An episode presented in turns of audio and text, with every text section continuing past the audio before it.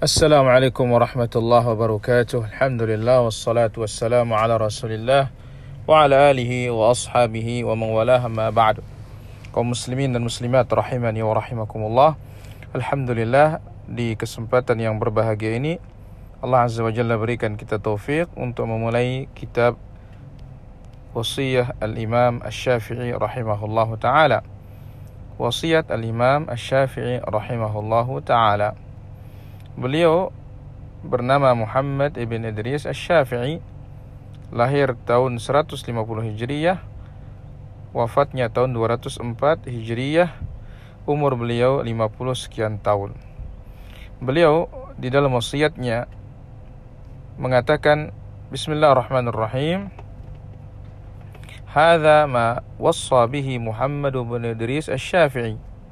Inilah yang diwasiatkan oleh Muhammad bin Idris Asy-Syafi'i. Qala Syekhul Islam, Syekhul Islam berkata, qala akhbar akhbarana Abu Mansur telah memberitakan kepada kami Abu Mansur Muhammad bin Ali bin Muhammad bin Hasan bin Sahal bin Khalifah bin Sabbah al-Baladi. Beliau berkata, Haddathani jaddi telah memberitakan kepadaku kakekku Muhammad bin Hasan ibn Salim bin Khalifah. Qala haddathana Abu, Abu Ali telah menceritakan kepada kami Abu Ali Al-Husain bin Hisham ibn Umar Al-Baladi. Beliau berkata, Hadhihi wasiyatu Muhammad ibn Idris Al-Syafi'i radhiyallahu anhu awsa. Inilah wasiat Muhammad ibn Idris Al-Syafi'i. Beliau mewasiatkan, Annahu yashhadu an la ilaha illallah wa la syarika lah wa anna Muhammadan abduhu wa rasuluh. Beliau mewasiatkan untuk bersaksi bahwasanya tidak ada ilah atau beliau bersaksi bahwasanya tidak ada ilah yang berhak diibadahi kecuali Allah. Tidak ada sekutu baginya dan Muhammad adalah hambanya dan rasulnya. Beliau memulai wasiatnya dengan syahadat la ilaha illallah Muhammad Rasulullah karena dia adalah awal wajib kewajiban yang pertama dan utama. Al-Allamah Ibn Abil Iz Al-Hanafi mengatakan dalam kitabnya Syarh Tahawiyah Awal wajiban yajibu ala al-mukallaf syahadatu an la ilaha illallah Yang pertama kali yang diwajibkan atas setiap mukallaf Yang sudah balik aqil Iaitu bersaksi la ilaha illallah Bukan nazar, bukan merenung Bukan juga bertujuan untuk memikirkan Bukan juga ragu sebagaimana ucapannya orang-orang ahlul kalam yang tercela. Justru para imam-imam salaf semuanya sepakat yang pertama kali diperintahkan seorang hamba adalah syahadatan.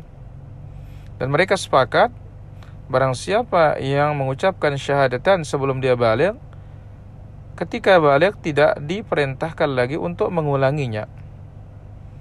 Dan dikatakan oleh beliau tauhid adalah yang pertama kali memasukkan orang ke dalam Islam.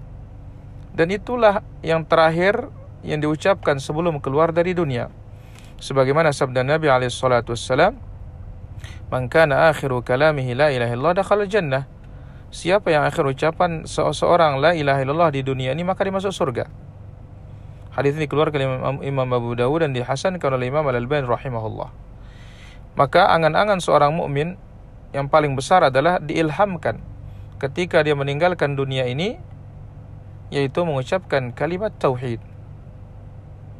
Dan sangat bagus.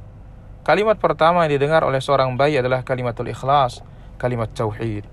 Inilah dia wasiat yang pertama Al-Imam Syafi'i mewasiatkan la ilaha illallah Muhammad Rasulullah yaitu mewasiatkan tauhid Allah Azza wa Jalla dan ittiba kepada nabinya sallallahu alaihi wasallam. Wallahu taala ala wa alam walhamdulillahirabbil alamin.